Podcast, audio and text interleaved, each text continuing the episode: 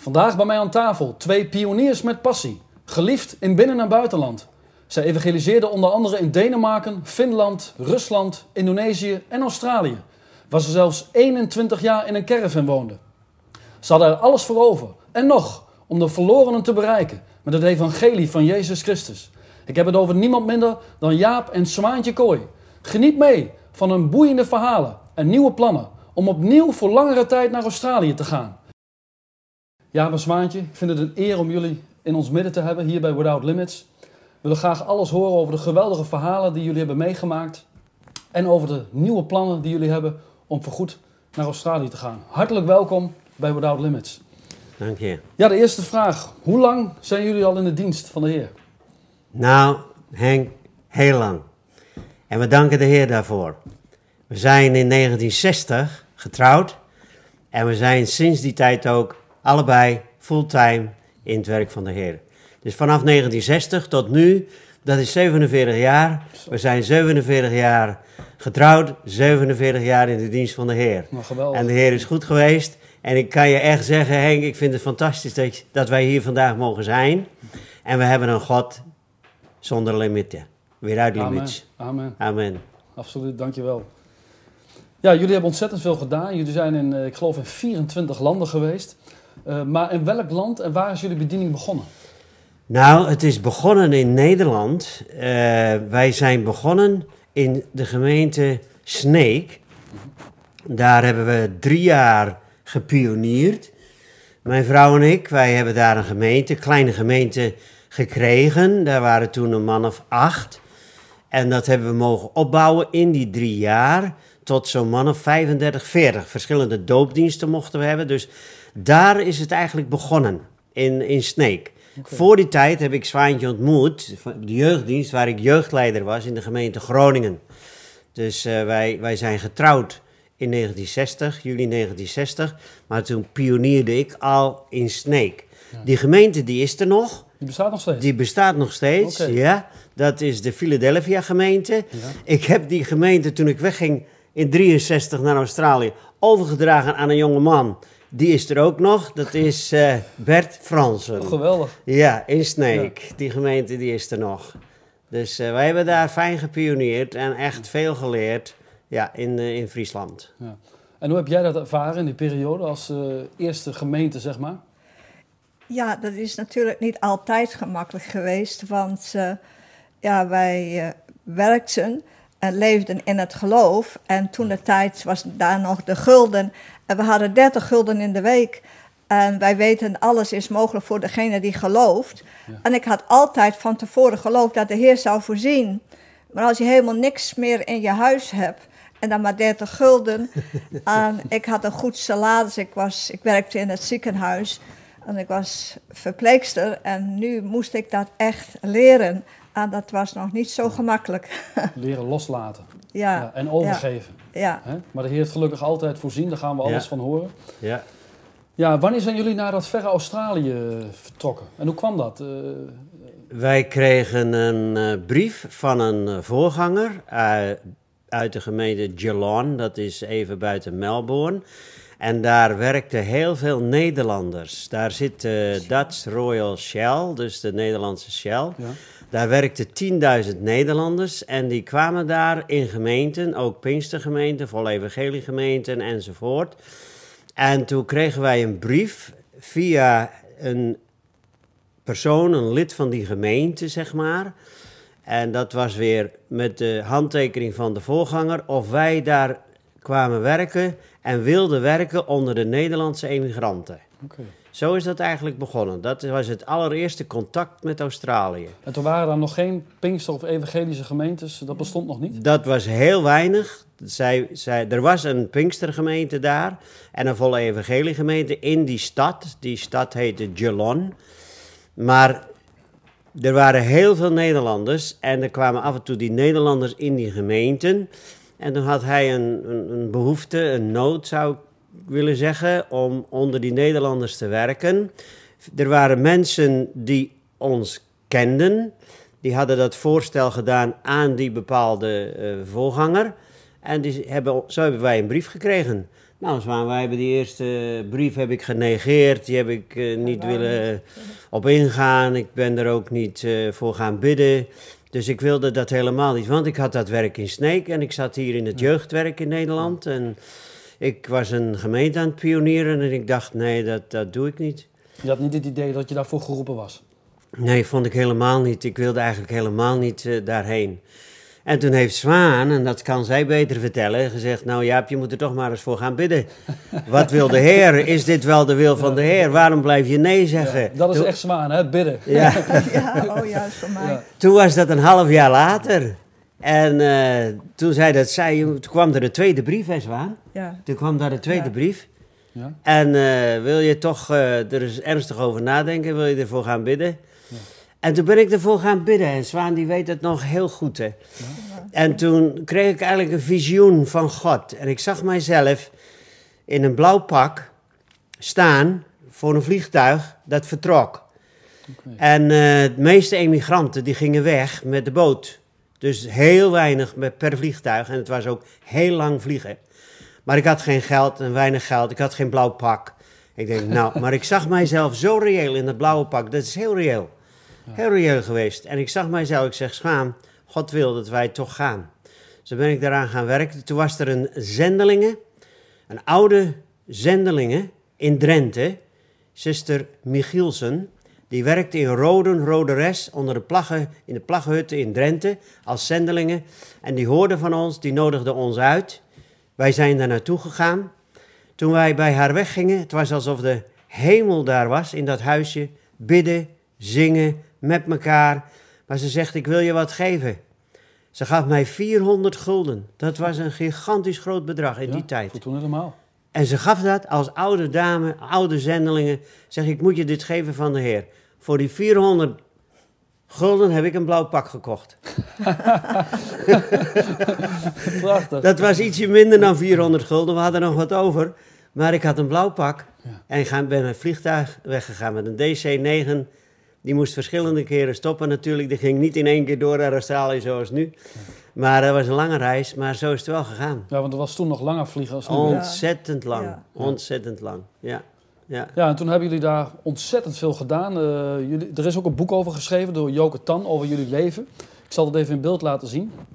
Jaap en Zwaantje Kooi, pioniers met passie.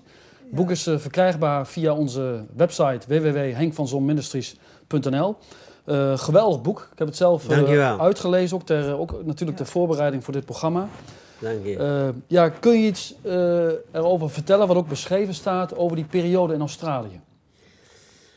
Heel veel, want eh, de periode in Australië is niet gemakkelijk geweest. Maar ik denk dat God altijd een bedoeling heeft met, met een leven waar een roeping op is. Eh, ons leven in Australië is heel, heel moeilijk geweest wat betreft voor ons karakter, voor onze emoties, voor onze natuur. Omdat daar bijna of helemaal nog niet, zoals nu, grote Pinkstergemeenten waren of volle evangeliegemeenten waren. Dus het was echt helemaal pionieren. Ja. En omdat wij gingen werken met z'n beiden eh, onder de Nederlanders in die kerk, voor die kerk, was dat ook heel moeilijk. Toen kregen we films en een filmprojector, dus we gingen, gingen echt eh, pionieren. Nou, ik weet nog, we hadden een campagne georganiseerd voor de Nederlanders met de film Holland Wonder van T.L. Osborne, die in 1958 is opgenomen hier in Nederland. Maar het is natuurlijk in het Engels, dus dat kwam daar heel goed. Ik had die film, een filmprojector. Daar kwamen heel veel Nederlandse mensen op af. Dus we hadden een zaal met 200 mensen, meer misschien, maar zeg 200. En ik herinner me nog als de dag van gisteren dat eh, bij het begin van de zangdienst, een paar liederen gingen we zingen en daarna de film, want het was een lange film, gingen er al mensen uit. Ik denk, oh, wat is dit, hè? Dus die liepen eruit. En er was een stel uitgelopen, die kenden wij niet, want we kenden bijna niemand van die mensen. En waren ook allemaal onbekeerden of, achtergrond van de kerk, gereformeerd, christelijk gereformeerd. Maar goed, die gingen eruit. En er kwamen die avond zeven of acht mensen bewust tot het geloof. Amen. Die namen de Heer Jezus aan als hun persoonlijke verlosser en zaligmaker. Die twee mensen die eruit gelopen waren, die hebben naar ons gezocht, waar wij woonden, hè Zwaan? Ja. En die hebben alles uitgeprobeerd te vinden waar wij woonden. Op plaats kwamen ze bij ons terecht aan de deur en vertelden hun verhaal. Dat ze in de dienst waren Ja. en eruit waren gelopen vanwege het luidruchtige zingen. Oké. Nou, als we dat vergelijken met nu, dan is het helemaal niet luidruchtig. Ja. Maar zij vonden dat echt luidruchtig.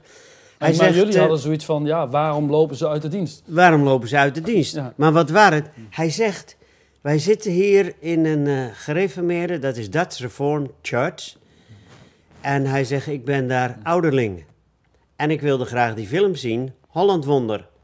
Maar hij zegt, ik had geen behoefte om die liederen van Johan de Heer, toen nog, had ik allemaal blaadjes van gemaakt en uitgeprint en gestenceld misschien nog in die tijd. Ja, ja. Dus het ging zo. Maar hij zegt, ik vond dat niet goed, dus ik heb niet mee willen zingen. Ik liep eruit.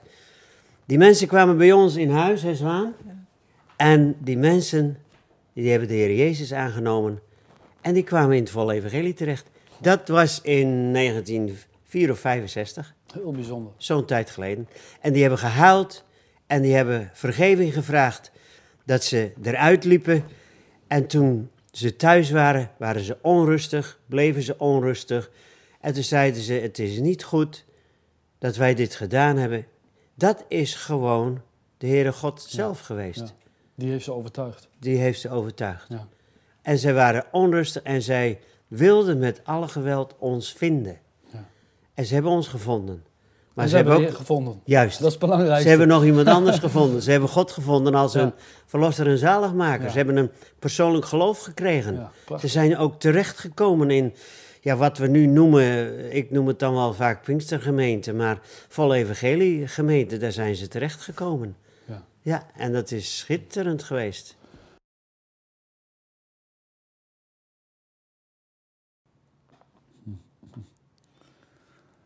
Van dit boeiende gesprek wat ik heb gehad met Jaap en Zwaantje Kooi is ook een dvd verschenen. Jaap en Zwaantje Kooi, pioniers met passie. Meer dan twee uur sprak ik met hen en deelde zij hun belevenissen uit hun bijzondere leven met God. Deze dvd zal u bemoedigen en is verkrijgbaar via onze website henkvanzonministries.nl. Een dvd die ook zeer geschikt is om aan iemand cadeau te geven. En de helft van de opbrengst is bestemd voor de bediening van Jaap en Zwaantje. Op voorhand willen wij u hartelijk danken voor uw ondersteuning en wensen u Gods rijkste zegen. En nu terug naar het gesprek. In de introductie zei ik al, Smaan, hè, dat, eh, dat jullie 21 jaar in een caravan hebben gewoond Ja. en eh, rondgereisd. Kun je daar iets over vertellen? Nou, voor- allereerst voor mij is het heel belangrijk dat ik in Gods wil wil zijn. En om in Gods wil te zijn, moet je ook bereid zijn, dat is ook een prijs te betalen. Jezus heeft de prijs voor, betaald voor onze zonden.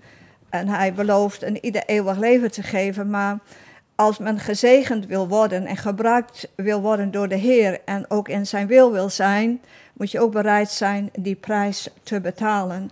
Want iedereen eh, wil graag gezegend worden. En, maar velen zijn niet bereid die prijs te betalen. En ja, ons huis was heel erg klein. We hadden weinig geld. Zo was een hele kleine caravan. en het was beslist wel even winnen. Eh, maar Ja, want het was ook niet geïsoleerd. las nee, de eerste nee, er zat geen koelkast in. Geen remmen. Nee, Klopt helemaal. Ja. Die eerste caravan. ja. Eh, maar het, toch het grootste verlangen in ons leven was ook echt om mensen te bereiken. Ook Ja. die nooit naar de kerk eh, gingen. En ik ben zelf ook niet christelijk opgevoed. Mijn ouders gingen nooit naar de kerk en mijn vader was communist. Zo, ik heb altijd een groot verlangen in mijn hart dat mensen die nooit naar de kerk gaan, dat die bereikt eh, zullen worden. Ja. En ja, daar was ik ook bereid die prijs te betalen. Waarom was ik bereid die prijs te betalen? Omdat ik, ik heb God lief met mijn gehele hart. Ja. En hij heeft een prijs betaald die wij niet behoeven te betalen. En dat beseffen wij niet altijd. Hij heeft zijn leven gegeven. En ergens vind ik het ook een voorrecht om voor hem te werken. En Ja. ja, het was niet gemakkelijk, die kleine caravan. En ik weet wel, na vele jaren zei ik tegen de Heer: zullen we ooit leven in een, in een huis? Ja, een Ja, normale ja. woning. Ja. Ja, ja, en niet lang daarna las ik in de Bijbel over Mozes en die heeft 40 jaar in een tent gewoond. En ik ben helemaal geen tentpersoon. Ik zei, Heer, vergeef mij. een caravan is dan toch weer beter dan een tent. Ja. Zo, ja. Ja, prachtig. Ja, maar uit liefde voor hem niet, eh, wil ik dat doen. Elke prijs die hij vraagt van ons. Amen, En, en, ja. en als wij bereid zijn, dan uiteindelijk, eh, Jezus is niemand schuldenaar. Hij zal je er altijd voor zegenen. En hij heeft dat gedaan. Hij heeft ons gezegend. En wat was jullie eh, hoofdtaak in Australië? Was dat echt gemeentes oprichten of echt evangeliseren, mensen bereiken, campagnes voeren? Ja, het was wel echt eh, pionierwerk. Gemeentes oprichten op plaatsen waar geen volle evangeliegemeente was. En die waren er heel weinig of bijna niets. Alleen aan de kust waren daar wel eh, volle evangeliegemeenten. Maar als je wat meer binnenland inging, daar was er nog helemaal niet eh, het volle evangelie bekend in bepaalde plaatsen. Het Pinkster-evangelie zoals we dat nu kennen, met de doop in de Heilige Geest en bidden voor zieken. Ja. Handen Eh, opleggen? Ja. Het hand opleggen, dat was zo weinig bekend. Dus wij gingen be- mensen ja, bereiken, die wilden wij bereiken. Niet in de eerste plaats voor die Pinksterboodschap, maar voor de volle boodschap van de Bijbel. Ja. Maar het belangrijkste is dat iemand Jezus vindt als zijn, haar persoonlijke verlosser en zaligmaker. Dat was heel sterk in ons hart. Wij wilden het evangelie brengen omdat Jezus mensen wilde redden voor de eeuwigheid. En dan daarbij is daar het volle evangelie. Daar, daar, is genezing voor mensen die ziek zijn. De Bijbel die leert ons dat. Daar zijn wonderen te over in de Bijbel. En wij predikten dat. En eh, daar zijn we ontspannen over, want God doet de wonderen. Ja. En dan is daar de Heilige Geest, die wil ons vervullen met zijn kracht en met zijn liefde, met alles wat hij is. En dat predikten wij ook, de doop in de Heilige Geest. En eh, spreken eh, in tongen, dat predikten wij ook. Dus, maar verlossing, eh, bekering, dat was toch de hoofdboodschap die wij predikten op de plaatsen. Maar daar hadden wij allemaal, eh, daar had ik heel veel eh, middelen voor die ik gebruikte. De radio gebruikte ik. Ik wilde alle straten die inkomen in zo'n plaatsje. Er waren soms zes wegen, die kwamen dan in zo'n plaats binnen. Hè.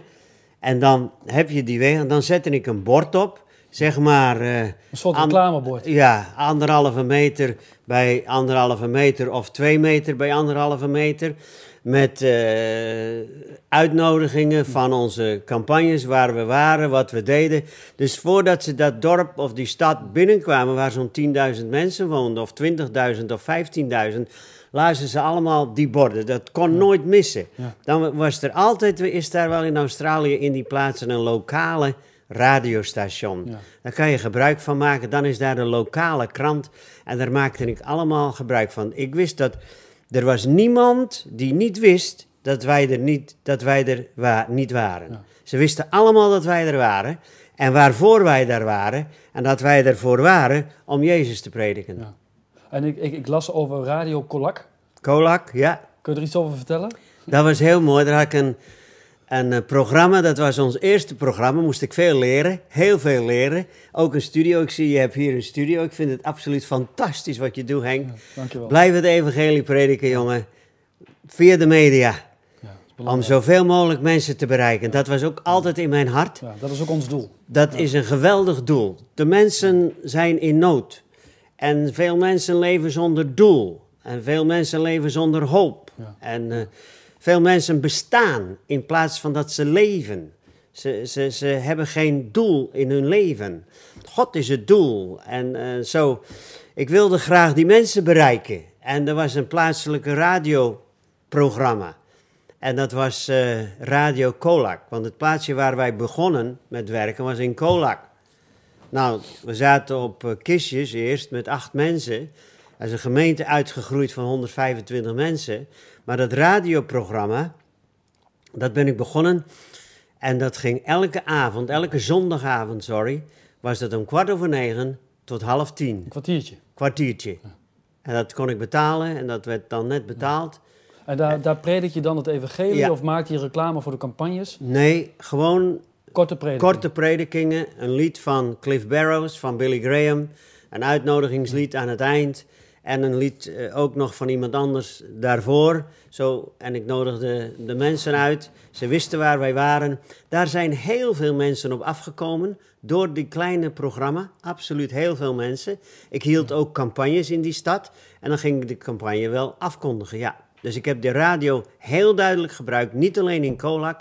Maar ook in de andere plaatsen waar wij gepioneerd hebben. Rockhampton hebben wij ook een radioprogramma gedaan. En daar hadden we ook een kwartier.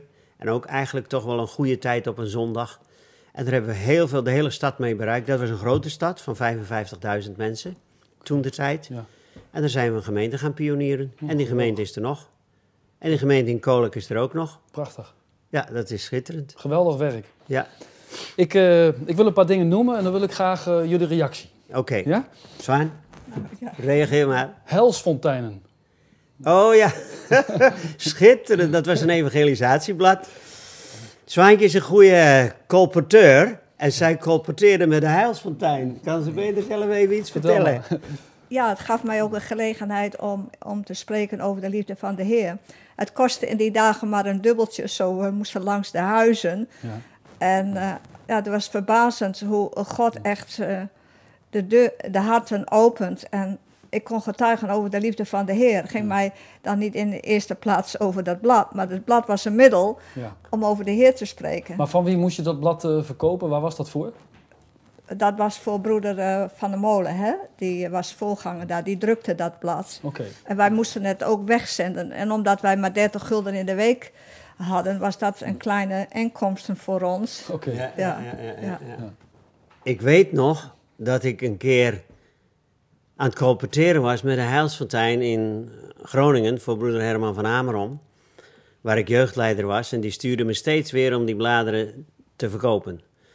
En het lukte niet op een bepaalde tijd en het lukte vaak niet. Maar die keer was ik zo gefrustreerd. Zo ontzettend gefrustreerd dat ik zeg, nou dat doe ik niet meer. Zo, ik ging naar hem terug. En ik zeg, eh, broeder van Amerom, ik heb niets verkocht, het lukt me niet meer en ik eh, doe het ook niet meer. Hij keek me aan. Hij zegt, dan word je nooit een goede evangelist of een goede dienstknecht van de Heer. Hij zegt, hier is een nieuwe stapel. en ik moest weer heilsfonteinen verkopen. Ik ging eh, de stad in. En daar is een gevangenis in Groningen ergens. En daar is een klein bos, het Sterrenbos geloof ik heet dat. En ik zat daar op een bankje te huilen. En ik las mijn bijbeltje. En ik ben gaan bidden. En ik zeg, God, geef mij rust van binnen. Dit lukt mij niet meer. Help mij om die huilsfonteinen te verkopen. Want die huilsfonteinen, die predikte het evangelie. Het was echt een fijn evangelisatieblad, echt waar. Broeder Van der Molen, die drukte dat, of die schreef dat en Is dat dat. vergelijkbaar met het heilleef van nu? Nee, nee, het is echt een evangelisatiekrant. Het is meer een kranttype idee. Ja. Ja. en het was ook niet zo groot of eh, veel bladzijden, maar het was echt een eh evangelisatiekrantje, Ja, zeg maar. ja. Nou, dat werd voor 10 cent, een dubbeltje, werd dat verkocht. Dat is ook niet veel. Maar na die frustratie in dat gebed in dat bos, bij die gevangenis daar waar ik zat, als vrijgezel en eh, wilde graag voor God werken, ik zeg, God help mij. Ik ben toen gaan verkopen. Achter elkaar heb ik ze verkocht. Allemaal verkocht. Is nog nooit zo goed gegaan. Ik weet niet, God heeft mij daar een les mee geleerd. Ik ben het nooit vergeten. Ik ging terug naar Herman van Amerong. Ik zeg, en ik moest het geld overdragen. Aan hem natuurlijk, al die dubbeltjes. Ja. Maar ik heb de Heilsfonteinen verkocht. Er kwamen ook mensen door Ja, tot geloof, ja. tot geloof. Ja, Ja. heel bijzonder. Ik was, eh, we waren in, in de provincie Groningen. Ik ben een Groningen van geboorte. En eh, die anderen waren, ja, ik kon die anderen niet meer zien, maar ik kwam terecht bij, eh, we waren met een hele groep jonge mensen. En ik weet niet waar ze gebleven waren, maar ze waren heel gauw klaar. Maar eh, ik sprak Gronings, want op het platteland kan je beter eh, die taal spreken. Ja, ja. En daaruit voort kwam een hele familie, die is naar de kerk gegaan. En die hele familie heeft Jezus aangenomen. Goh. En, en dat is altijd mijn, mijn verlangen, dat God iets doet met ons getuigenis. Ja. Dat ik de hart mag bereiken, de harten mag bereiken van de mensen. Niet alleen dat blad verkopen, dat is natuurlijk wat Jaap zegt, een heel fijn blad. ja. Maar ik wil graag resultaat zien. Zo'n persoon ben ik een beetje. Ja, de Bijbel zegt dat ook. Hè. Door de getuigenis van een Ja. Samaritaanse vrouw kwamen Ja. velen tot bekering. Ja. Ja. Getuigenissen zijn En dat is belangrijk. gewoon doorgegaan. En die mensen die zijn doorgegaan. En ook met hun andere familieleden. Zo, door dat eenvoudige blad. eh, door een eenvoudige getuigenis die ik mocht geven aan die mensen, zijn er zoveel gered. Ja. Zo, als wij niet. Mooi hè, hoe de Heer dat allemaal Ja. gebruikt. geweldig. Al die middelen, bladen, radio, televisie. ja. Ja. Hè, geweldig. Het gaat om de boodschap, hè. predik het evangelie. Nou, het evangelie is een kracht gods, dat Ja. staat ook weer in Romeinen. Nou, Ja. Tot behoud voor een ieder die gelooft. Dus als ze die boodschap van het evangelie aannemen, is daar behoud voor de eeuwigheid, voor hun ziel. Ja. Eigenlijk zo simpel, zo eenvoudig is het. En niets is belangrijker. Nee, dat is het allerbelangrijkste. En wij wilden zo graag. Dat was een passie die wij hadden, dat wij mensen wilden vertellen van die liefde van Jezus. Ja. En nog, En nog, die passie die hebben we nog. Het is een boodschap voor de hele wereld. Uiteraard, je kan alleen maar zoveel bereiken. Als we ergens kwamen, dan wilden we graag die stad, waar we dan daar waren, op dat moment in Australië, wilden wij die stad bereiken met evangelie. En daar hebben we dan gepioneerd in verschillende steden. geweldig.